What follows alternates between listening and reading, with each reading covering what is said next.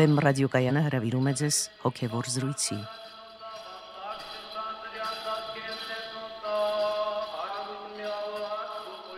Սիրելի ունկնդիրներ, Վեմ ռադիոկայանի եթերում են արժանապատիվ Տեր Մեսրոպ Քահանա Արամյանը եւ Արա Սարգսակ Նալչաջյանը։ Այսօրվա մեր զրույցը բարու եւ չարի մասին է։ Օրհնյա Տեր հայր։ Աստված օրհնի։ Տեր հայր, բարու եւ չարի մասին դատողությունները իհարկե սկզբունքային են, ոչ միայն քրիստոնեական վարդապետության մեջ, այլև առհասարակ մեր մարդկային առօրյական տրամաբանության մեջ անգամ։ Ուր էլ լինենք, ինչ էլ անենք, երբեք չենք խուսափի այս խնդրից բարու եւ չարի միջև ընտրողություն կատարելուց Մարդը այսպիսի ընտրության արժև է շարունակ՝ բարու եւ չարի։ Աստված ասում է, որ ահա բարին եւ չարը քո արժև դրեցի։ Բարին ընտրիր, որպեսի ապրես։ Սակայն այս տեսական սկզբունքը, որը իհարկե արդիական է, կարևոր է եւ գործնական նշանակություն ունի նաեւ մարդկային կյանքի համար, մնում է տեսական սկզբունք։ Երբ որ սկսում ես դա կյանքում կիրառել, արդեն տեսնում ես, թե որքան բարդ է, երբ փորձում ես կյանքում կիրառել։ Ուրեմն այսօրվա մեր զրույցի ընթացքում փորձենք վերհանել բարու եւ չարի գաղափարը, մարդու ճանաչողությունը բարու եւ չարի եւ աստվածային այն հորդորը, որ հիշեցինք Սուրբ Գրքից այն մեջ որ բերվեց այդ ճանապարհի մեջ մարդու ընթացքը։ Նախ ուրեմն սկզբունքորեն, ինչ է բարին, ինչ է չարը։ Բարի հասկացողությունը կամ բարիք հասկացողությունը ըստ աստվածաբանության մի բան է, որը բնորոշ է աստվածային բնությանը, այսինքն աստվածային բնությունը ինքնին բարի է դա բնութագրիչներից է աստվածային բնության բնականաբար առանց արարչության մեջ որոշակի դրսևորում ունենալու այդ սկզբունքը ընկալելի չի կարող լինել մարդու կողմից, որտեղ մարդը արարածների կամ զգալի իրողությունների միջոցով է հաղորդակից դառնում, որտեղ ինքը զգալի արարած է աստվածային էության այս կամ այն հատկանիշի։ Սուրբ Գիրքը նաև ասում է, որ Աստված ամեն ինչ ինչ որ արարեց բարի էր, Այսինքն այդ աստվածային բարությունը որպես կարևորագույն մի սկզբունք արտացոլված է ամբողջ արարչության մեջ։ Եվ ընդհանրապես ամբողջ արարչությունը բարիք է համաձայն եկեղեցական աստվածաբանության։ Այլ կերպ ասած, այն ամենը ինչ որ որ արել է Աստված, արել է համաձայն իր բարի էության եւ բարի կերպով է արել, այսինքն որևէ չար բան Աստված չի արարել, Աստված միայն բարիք է արարել։ Եվ ուսումնասիրելով կամ հաղորդակից լինելով այն բարիքին կամ բարությանը, որ դրված է արարչության մեջ, մենք կարող ենք հասկանալ կամ կարող ենք պատկերացում կազմել, թերևս մինչև վերջ չենք կարող հասկանալ, թե ինչ է աստվածային բարությունը, որը մենք կանվանենք բացարձակ բարություն կամ բացարձակ բարիք։ Այսինքն տարբերակում է դրվում աստվածային բարության եւ ոչ աստվածային, թերևս մարդկային բարության միջև։ Պետք է նկատի ունենալ, որ այն ամենը ինչ որ որ բնորոշ է ժամանակավոր բնությանը, բնականորեն ունի որոշակի սահմանափակումներ ինքը բացարձակ ոչ թե մենք ասում ենք բացարձակ չէ, որտեվ ինքը բարի չէ։ Ինքը բարի է, բայց արդեն որոշակի սահմանափակումների մեջ, այսինքն ժամանակի, տարածության եւ այլ տիպի սահմանափակումների մեջ։ Իսկ երբ ասում ենք օրինակ բարի մարդ, այս մարդը բարի է եւ ասում ենք որ Աստված բարի է, արդյոք այդ երկուսի միջև նմանություն չկա։ Կա նմանություն, անշուշտ նմանությունը կա, որովհետեւ դա Աստծո պատկերի եւ նմանության արտացոլանքն է մարդու մեջ։ Բայց նորից դա նմանություն է եւ ոչ թե նույնություն։ Երբեք պետք չէ նմանությունը շփոթել նույնության հետ։ Ինչով է տարբերվում բացարձակ բարին այս մարդկային կամ հարաբերական, այսպես ասենք, բարուց։ Նախ եւ առաջ տարբերվում է այն կարևոր սկզբունքով, որ ժամանակավոր կամ զգալի աշխարհում եղած բարին ինքը սկիզբ է առել։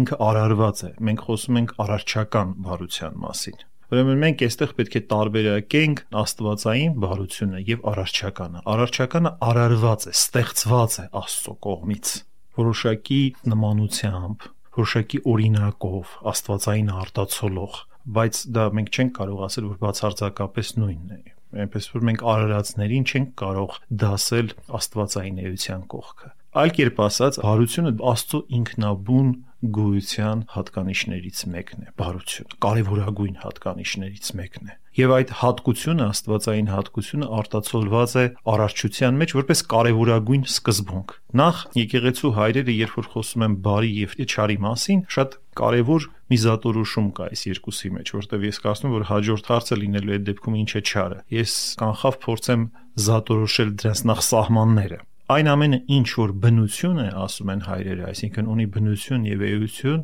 դա բարի է, որովհետեւ բնություն կարող է միայն արարվել Աստծո կողմից։ Եվ ճարը չի կարող բնութենական լինել, այսինքն ճարը չի կարող բնություն լինել։ Ճարը եկեղեցու հայրերը բնորոշում են որպես վիճակ, բնությանը կծված մի վիճակ, արհեստական մի իրողություն, բարու պակասություն կամ քայքայված մի իրականություն։ Եվ շատ հետաքրքրական է այդ չար բառի ստուգաբանությունը հայերենում, որ կա ժխտական չ մասնիկը եւ ար, այսինքն արարել բառն է, այսինքն մի բան, որ արարված չէ, չար, չարարված մի բան։ Սա նշանակում է, որ ինքնին չարը արհեստական մի բան է, օտարամուտ մի բան է աստվածային բնության մեջ, բայց ոչ երբեք բնություն։ Ինքը ավելի շուտ կամային դրսևորում է։ Վիճակ է, պարազիտ մի վիճակ է մարդկային բնությանը կամ այլ բնություններին կցված եւ ոչ թե բուն հենց ինքը բնությունն է ասում են սա չար մարդ է սկզբունքայինորեն այդպիսի բան ասել չի կարելի որովհետև եթե մենք շփոթենք հանգարց եւ մարդու էությունը չանվանենք, մենք մեծ մեղքի տակ կընկնենք, որտեղ ամեն մի մարդու մեջ դրված է այդ վեհագույն բնությունը։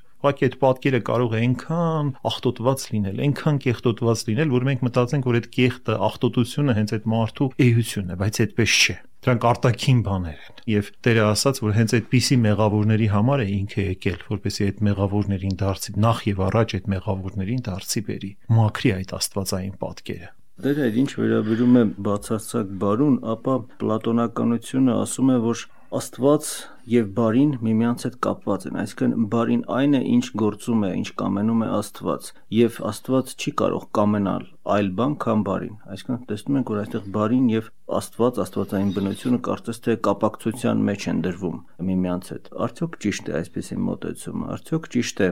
բարին համարել փաստորեն այսպիսով, եթե իրար հետ փոխկապատության մեջ ենք դնում, համարել նույնպիսի սկիզբ, ինչպիսին ինքը Աստված է։ Թե այստեղ պետք է ոչ թե կապատության մեջ դնել, այլ բացարձակ սկիզբ դիտելով Աստծուն, բարիք համարել նրանից բխող մի բան կամ նրա էության մի ստորոգելի։ Նորից եթե մենք խոսում ենք առարչական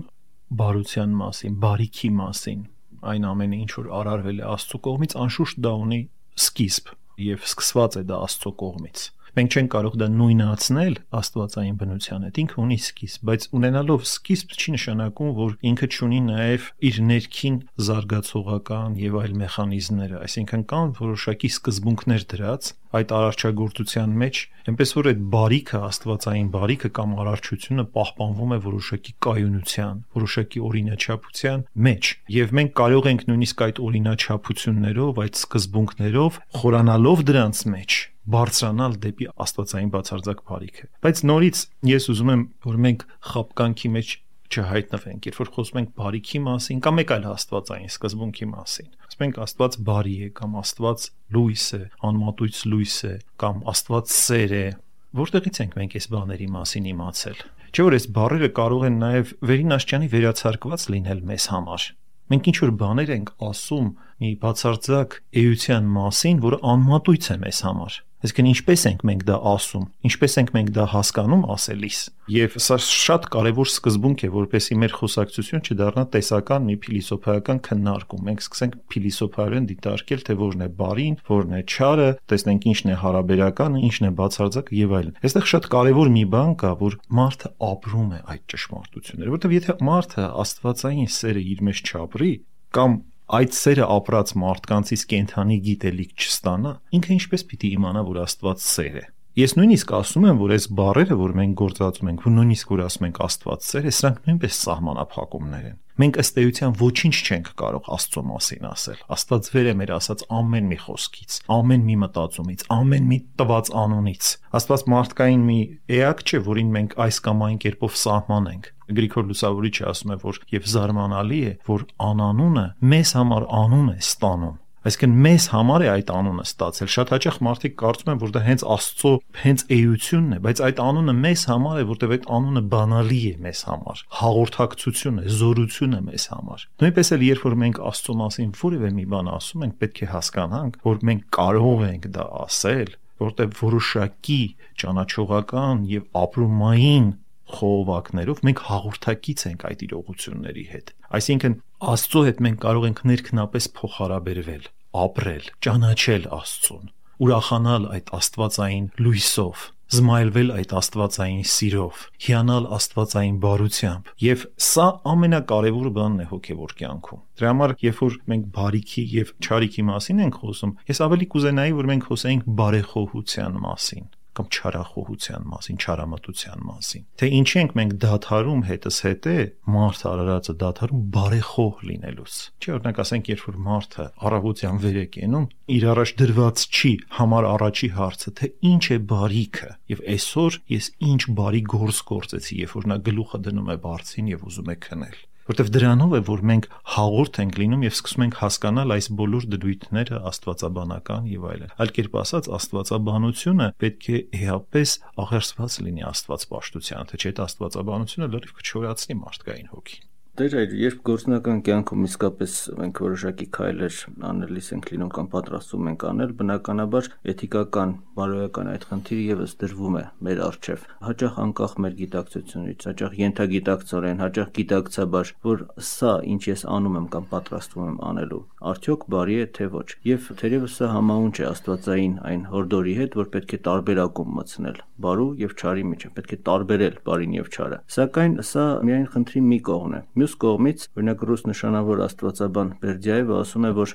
բարու եւ չարի այդ զատորոշումը ինքնին չար է Պաստորեն, եթե ինքնին չար է այդ զատորոշումը, մենք ինչպես պետք է զբաղվենք այդ զատորոշմամբ մի գործով, որը ինքնին չար է։ Եվ մյուս կողմից ինչպես հասկանալ Աստվածային հորդորը, որ ասում է զատորոշեք։ Գիտեք, այստեղ Բերձեևը հավանաբար խոսում է մարդկային ճանաչողության մասին, այսինքն աշխարհիկ մտածելակերպով դրանք զատորոշելը Եվ այդ process իսկապես մի տարապալից process է, երբ որ մարդը, այսպես ասած, փորձում է աշխարհիկ կերպով կանոնակարգել կամ աշխարհիկ օրենքներով կամ օրինաչափություններով հասնել ճշմարտության։ Հոգևոր տեսանկյունից դրանք անհասանելի բաներ են, դա չէ ճանապարհը։ Հիմա եթե Բերդեևը խոսեր հոգևոր ճանաչողության մասին, ես չէի համաձայնվի նրա հետ, բայց հավանաբար նա նկատի ունի այդ մարդկային տարապալից, այսպես ասած, ճանաչողությունը, երբ դու փորձում ես բարիք հասկացողությանը կամ չարիք հասկացողությանը տրամաբանական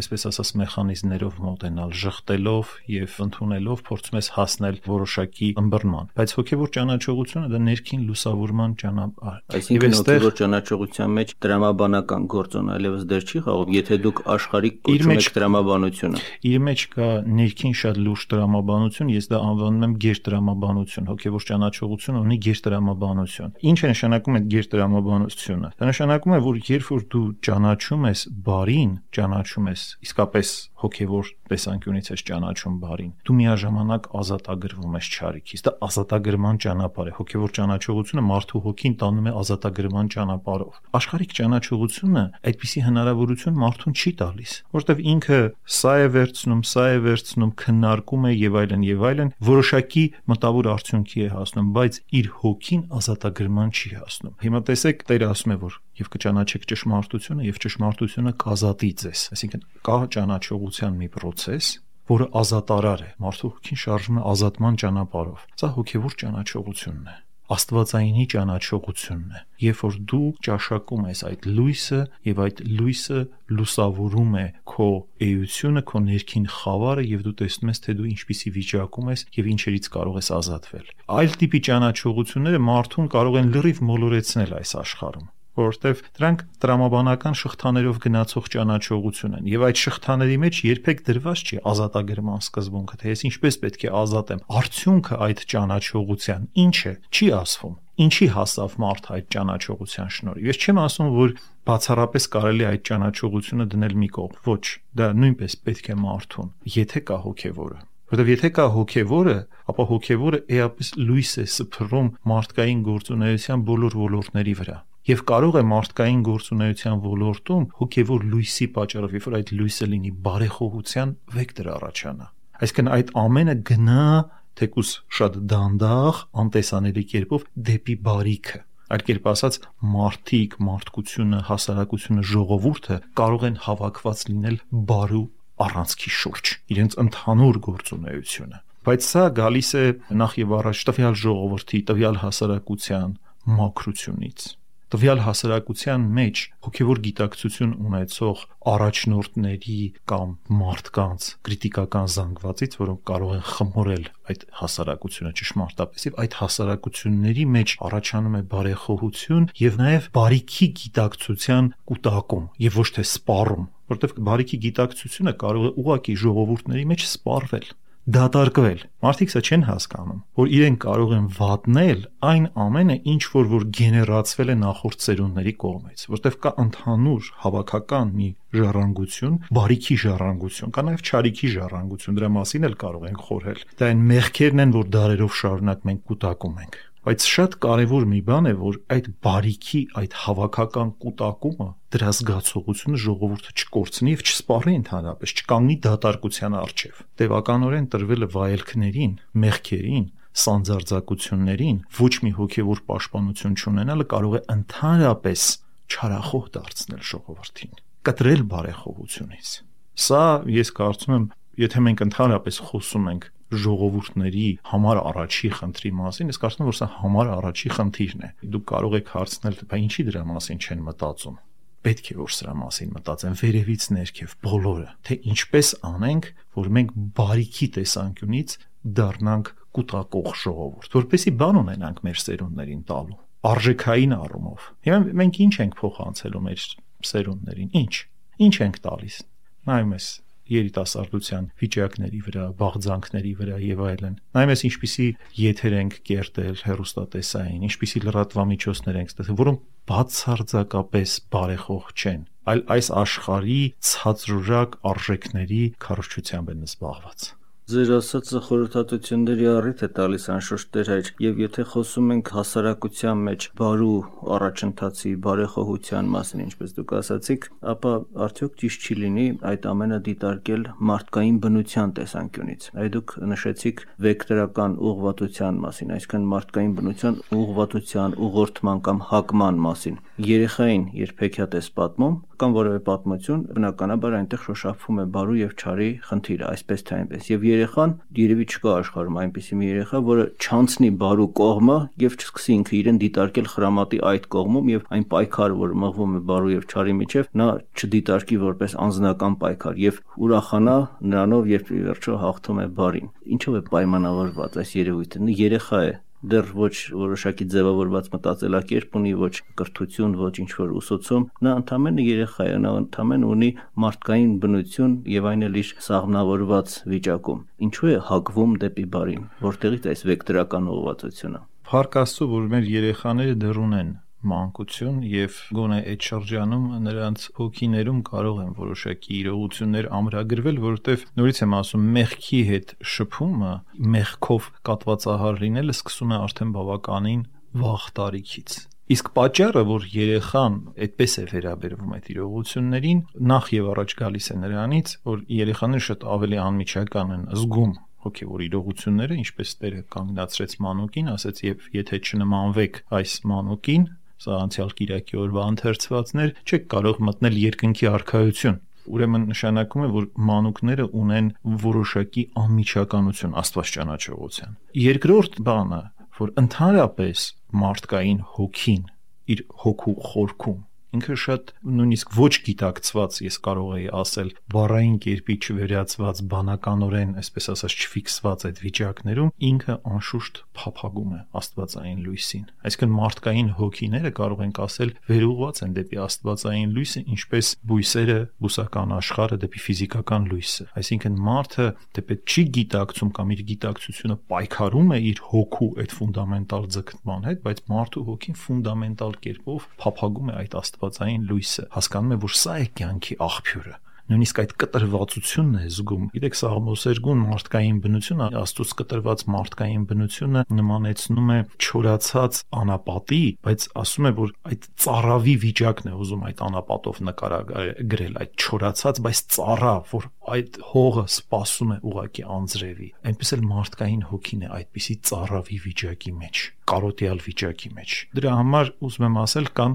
բնական նաև պատճառներ եւ բնականաբար նաև դաստիարակությամբ եւ կրթությամբ այդ ամենը որոշակի ձևով ամրագրվում է։ Ի վերջո, երբ որ մենք հեքիաթ ենք կարդում մեր երեխային, հեքիաթը ինչ է, եթե ոչ հավաքական բարիքի փոխանցում Մենք հավաքական բարու գիտակցություն ենք փոխանցում, որտեղ այդ հեքիաթները որոշակի նաև հոգևոր իրողություններ են արտացոլում որոշակի հոգևոր ճշմարտություններ են մեզ արտացոլում։ Էնպես որ մի քանի պատճառներով երեխաները այդպիսի սուր զգացողություններ են ունենում կամ ուղղակի հակված են դեպի բարիքը։ Բայց հեքիաթներ կարդալուց ավելի ես խորհուրդ կտայի մեր ծնողներին, որպեսզի իրենք իրենց երեխաներին ավելի հաճախ հաղորդակից դարձնեն սրբությունների։ Եկեղեցի տանեն, որպեսզի այդ երեխաները հաղորդություն առնեն։ Երեխաները շատ անմիջական են զգում այդ իրականությունը։ Եթե մենք մեր մոտ այդ կյանքը այդքան ակտիվ չի, գոնե այնպես անենք, որ մեր երեխաները չզրկվեն այն ամենից, ինչից մենք ենք զրկված եղել մեր ժամանակներում։ Դրեջ, երի այդպիսի դրությունը մարդկային բնության նման հակում, այդ նույնիսկ բերեցիկ Աստվածաշնչյան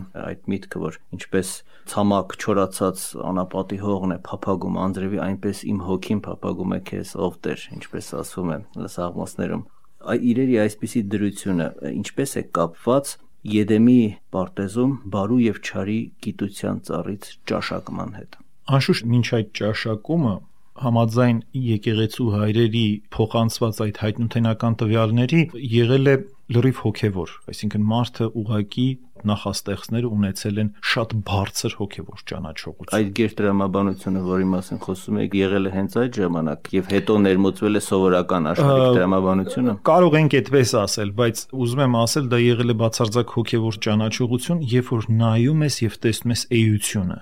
եւ տեսնում ես ամբողջական պատկերը եւ ոչ թե այսպես ասած բեկորների մեջ մոլորվում ես երբ որ մարդը ճաշակեց այդ պտղից եւ ընկավ ճարի եւ բարու գիտության անդաստանը եւ սկսեցին աշխատել լրիվ այլ մեխանիզմներ, մարդը կորցրեց եւ Աստված զգուշացրել էր մարդուն, որ ամեն ինչ կանես, այսինքն բայց այս մեկից չպիտի ճաշակես։ Այդ ամեն ինչը ճանաչելու նախապայմանը դրա չճաշակելն է, այստեղ շատ հետաքրքիր պահ կա որովհետև եթե դու դա ճաշակես, այդ ճանաչողությունն ես կորցնելու։ Իրերի էությանը հաղորդ լինելու այդ կարողությունն ես կորցնելու դու աստվածային արարչության ամբողջ գեղեցկությունը տեսնելու այդ հնարավորությունն ես կորցնել։ Ուրեմն այլևս ինչու է ծառը կոչվում գիտության ծառ եւ այն էլ բարոյական գնահատականով, բարու եւ չարի գիտության։ Դա կոչվում է բարու եւ չարի գիտության ծառ, որովհետեւ դա որոշակի ճանաչողության տեսակ է, որի մասին խոսում է հենց Բերդիևը, այսինքն դա լրիվ այլ ճանապարհ է եւ մարդը կորցրեց այն, կորցրեց, բայց ոչ բացարձակորեն կորցրեց։ Հոգեվոր կյանքի մեջ վերականգնվում են այդ կարողությունները, ինչպես ասենք, սուրբերի մոտ։ Բայց այնուամենայնիվ մարդը կորցրեց եւ ընկավ լրիվ այլ մարդկային ճանաչողության կամ աշխարհիկ ճանաչողությունների դաշտը եւ սկսեց այդպիսի մեխանիզմներով փորձելով պատկերացեք մի մեծ պատկեր, գեղեցիկ մի պատկեր, որը փշուր-փշուր է եղած եւ դու փորձում ես այդ փշուրների մեջ տեսնել այդ ամբողջի գեղեցկությունը կամ այդ փշուրները վերլուծելով ուզում ես հասկանալ թե այդ ամբողջը ինչպիսին է եղել որպեսզի մենք մի փոքր պատկերավոր կերպով արտահայտենք մարդու ողբերգական վիճակը այդ անկումից հետո Եվ բացի դրանից պետք չէ մոռանալ, որ դա նաև գայթակղություն էր մարդու համար։ Գայթակղություն էր, այսինքն մարդը փորձեց հասնել Աստծուց դուրս, փորձեց հասնել մի բանի, որին Աստված կարող էր իրեն հասցնել։ Այսինքն մարդը փորձեց հասնել ավելի մի կատարյալ վիճակի Աստծուց մի դուրս ճանապարհով։ Դա գայթակղություն էր։ Եվ նաև այդ ծառը այդտեղ դրված էր փորձության համար, որովհետեւ մարդը հասկանա, որ այն ամենը, ինչ որ իրեն տրված է, ունի պայման եւ ունի գին։ Սա մեզ համար էլ է կարեւոր, որ մենք հասկանանք, որ այս ամենը, ինչ որ Աստված տվել է մեզ, այս ամենը ունի որոշակի պայման Եվ մենք պետք է հասկանանք, որ առանց այդ պայմանները բավարարելու եւ մենք երբեք տերը չենք լինելու այս իրականության կամ այդ աստվածային արգելքները մենք ոչ թե դիտենք որպես ինչ որ սահմանափակումներ աստվածային օրենքները, այլ հասկանանք, որ աստվածային օրենքը Աստծո սիրուն հաղորդակից լինելու պայմանն է կամ Աստծո արդար դատաստանը անպայման անհրաժեշտ է այլապես Աստծո սերը կլիներ անիմաստ Շնորհակալություն Տեր հայր, որ ընթառաջեցիք մեր ունկնդիրներից մեկի նամակին։ Իդեպ ասեմ, որ այս մեր զրույցի թեման ընտրված էր որպես արձագանք այդ նամակին եւ մեր զրույցի թեմա ընտրեցինք բարու եւ չարի մասին այսօրվա թեմատիկան, այսօրվա արտարծված հարցերը։ Շնորհակալություն ձեզ դրա համար եւ թույլ տվեք սրանով եզրափակել մեր այսօրվա այդ զրույցը։ Օրհնյա Տեր հայր։ Աստված օրհնի։